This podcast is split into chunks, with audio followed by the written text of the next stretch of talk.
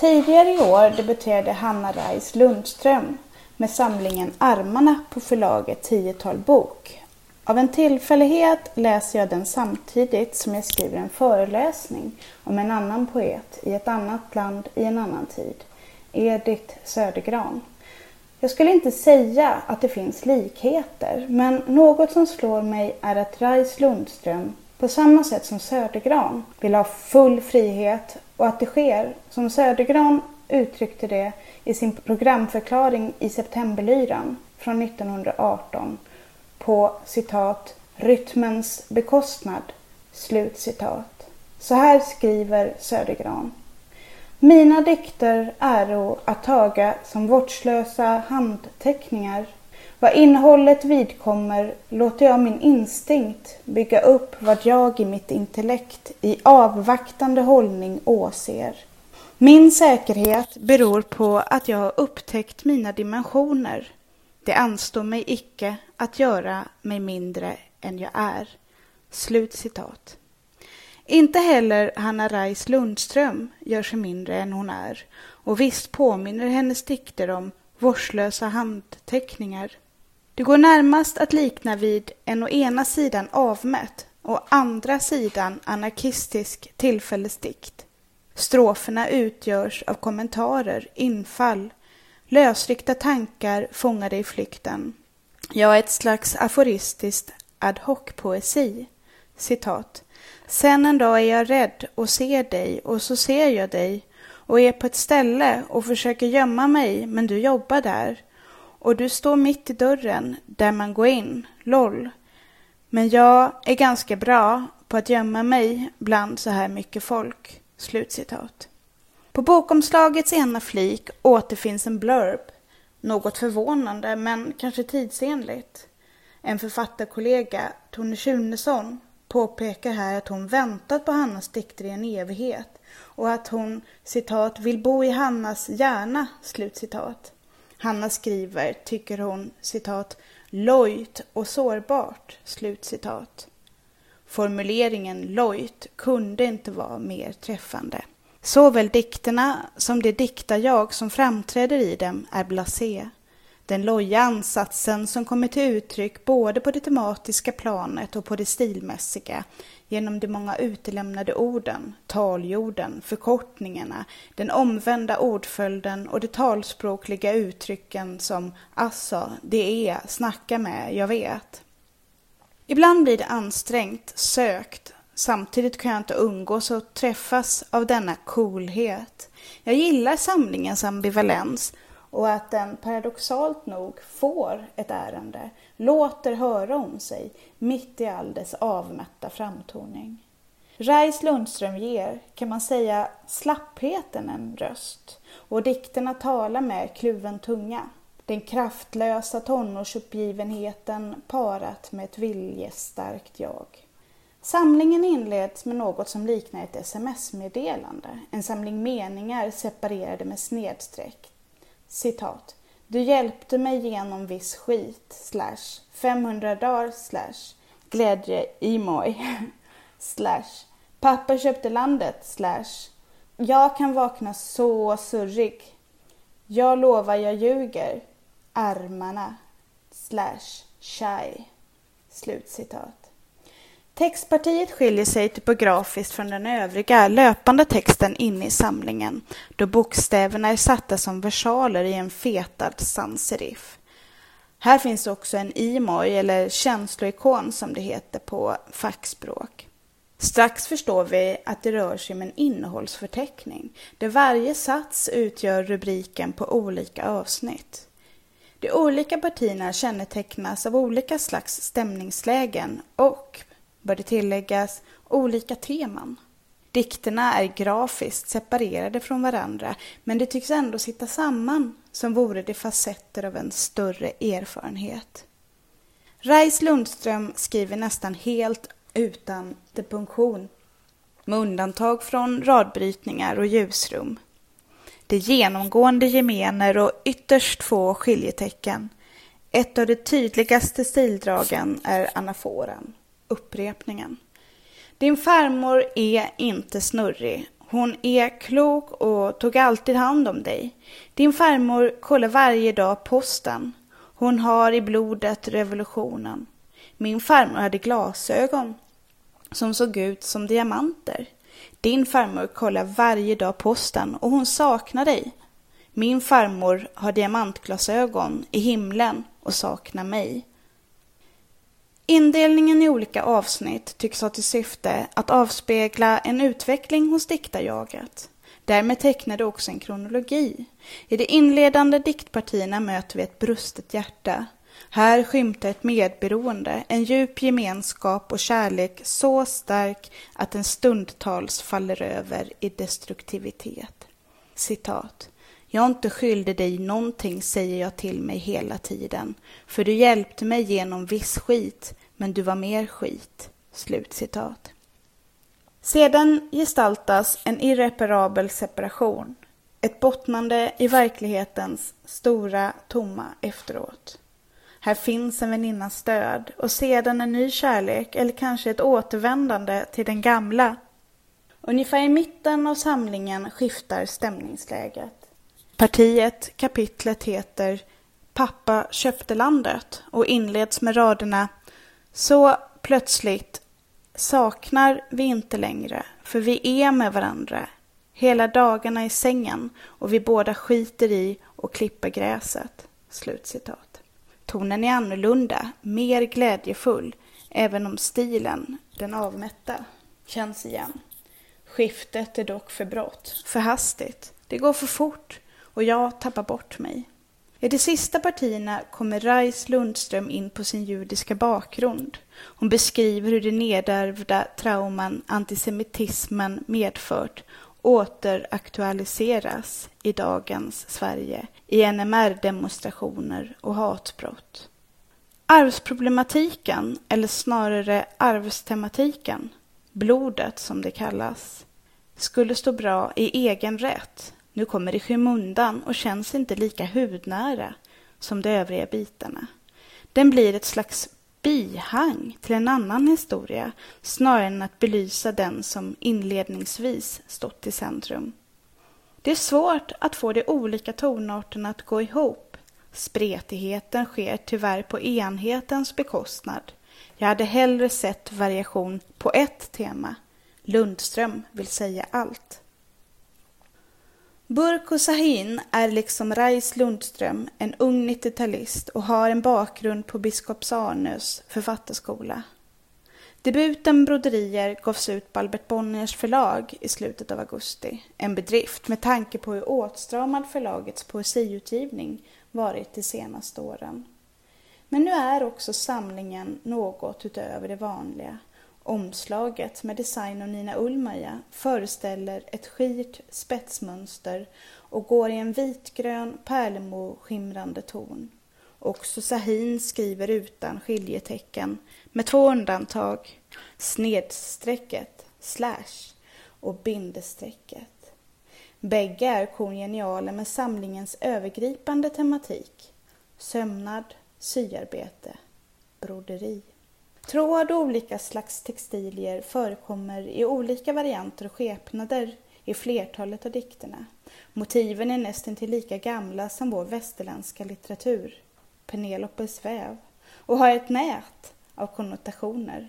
Främst skapande, skrivande. Latines textus betyder som bekant vävnad eller flätverk. Hos Sahin blir skriften den tråd som binder samman familjens kvinnoöden, ger den mening. Citat. Orden spricker i hyllningssångerna. Det får inte betydelsen vi lägger i dem. Slutcitat. Den tematiska upptagenheten kring textilier och sömnad går igen i typografin. Jag har redan nämnt skiljetecknen som liknar stygn som exempelvis i strofen, och nu citerar jag, pärla, tråd, jag trär tråden igenom. Slut citat.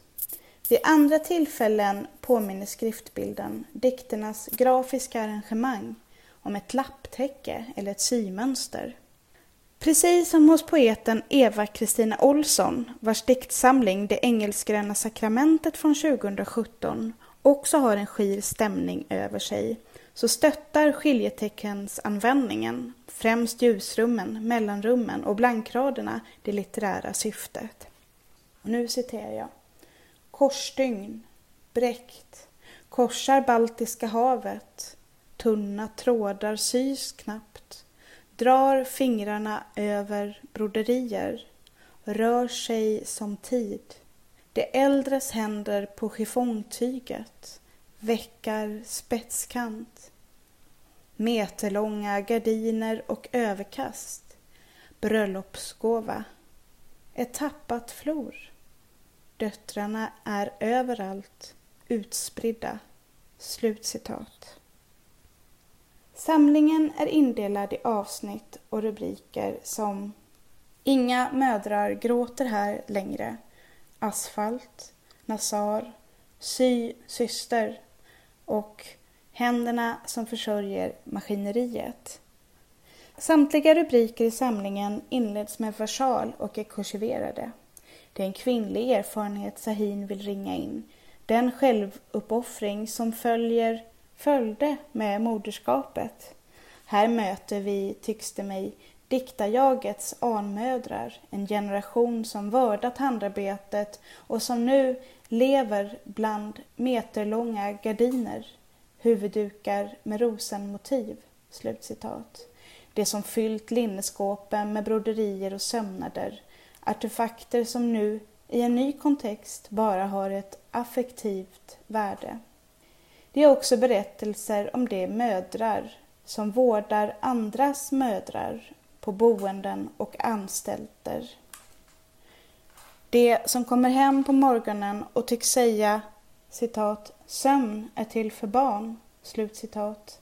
Kort sagt de kvinnor som det heter i sista dikten, vars händer försörjer maskineriet. Om släktskapet mellan Södergran och Rais Lundström är ytligt är beröringspunkterna mellan Burku Sahin och Imam Mohammeds bakom trädet ryggar mer uppenbara. Det är systerböcker som tycks kasta ljus på liknande erfarenheter om än ur vitt skilda perspektiv och med olika ärenden. Den mildhet som anas i Sahins samling finner en motsats i Mohammeds långt mer dämpade, smärtsamma framställning. Verkens olika temperament är också förstärkta i omslagsdesignen. Broderiers omslag är slöjlikt och skimrande. Mohammeds glänser även det, men är oxblodsfärgat med titeln tryckt i stora svarta bokstäver. Till skillnad från Reis Lundström och Sahin är Mohammed ingen debutant. Hon har tidigare publicerats i ett nummer av Brombergs poetiska debutantantologi Blå blixt 2013 och gav 2017 ut diktsviten Fermata. Att hon är en mer erfaren poet är tydligt. Diktsamlingen är enhetlig, stringent. Stämman den röst som talar till oss tydlig och jämn. Samlingen berör, tycks det mig, olika slags undantagstillstånd. Ett exempel är flyktingens upplevelse av att befinna sig i olika världar. Den vardagsverklighet som tilldrar sig parallellt med ett pågående krig. Rotlösheten i det nya landet. Ja, så läser jag det Trygghetens plats var inte det väntade, som det står. Flera av dikterna uppehåller sig vid eller cirkulerar kring platser, skolgårdar, skolbyggnader, sandlådor och busshållplatser. En dikt beskriver en mobbingscen vid en skola. Byggnaden var, citat, arkitektoniskt planerad för att förstärka den oroliges plats i rummet. Slut citat. Här förekommer en syster, som det heter, vars hår glänste intill skolbyggnaden och ett blod som rann som darrande Rorschach. Slutcitat. Det kanske främsta traumat som också återkommer är det som jag tolkar som en krigserfarenhet. Framförallt upplevd av ett barn, men ändå silad genom den vuxna kvinnans temperament. Och nu citerar jag. Eld och svart himmel. Ångesten vrider om det lilla hjärtat när man minns sin kropp i elden. Mitt under den lekfulla akten eld och gul himmel. Slut citat. I en av samlingens starkaste dikter kan vi läsa Efter 40 dagar slutade den lilla att skrika hand i hand med luftoffensivens slut. I en annan som jag tror har potential att bli lika omtalad som Göran Sonnevis om kriget i Vietnam från 1965 beskrivs sekunderna innan en missil når sitt mål och ett liv försvinner. Den sökande kameran gör kvällshimlen ljusgrön. Flygplanets öga rör sig över hus och träd, boskap, rutnätet, dess linjer skapar fokus. Kroppsskuggan skymtas mellan husen. Missilen tar tag i kroppen, den omgivande naturen. Det är inte mycket ljusglimtar eller andningshål för den delen i samlingen. Snarare kännetecknas minnesbilderna av en tryckt dovhet, inte sällan beskrivet med färgtermer som mörklila grönska, mörklagd sommarhetta. Det är mycket motsatsbar. De återgivna sinnesintrycken är ofta ytterligheter som i den inledande dikten vilken med ett fåtal ord beskriver en park vars paradisiska grönska citat, ofrivilligt besmyckades slutcitat, med järnsubstans. Mohammed är skicklig på att kontrastera naturens skönhet mot civilisationens grymhet. Vid ett tillfälle, ett uppslag i boken, breder dikterna ut sig över sidan. Från att bara varit några rader tar texten plats. De koncentrerade stämningsbilderna, ett par rader bara, Ge vika åt en mer prosalyrisk och därmed berättande framställning. I en enda tagning, meningen sträcker sig över tolv rader, gestaltas en epifani. Diktarjaget klipper ett barn, en dotter, en son, en syster. Saxens kraft är, som det heter, kortvarig men intensiv. Handrörelsen i duschen när hon senare samlar upp dotterns hår i en knut är densamma som hennes mammas i barndomen. Minnet återkommer. Det gjorde ont och var skönt samtidigt. Precis så är Iman Mohammeds diktsamling, lika delar smärta och skönhet.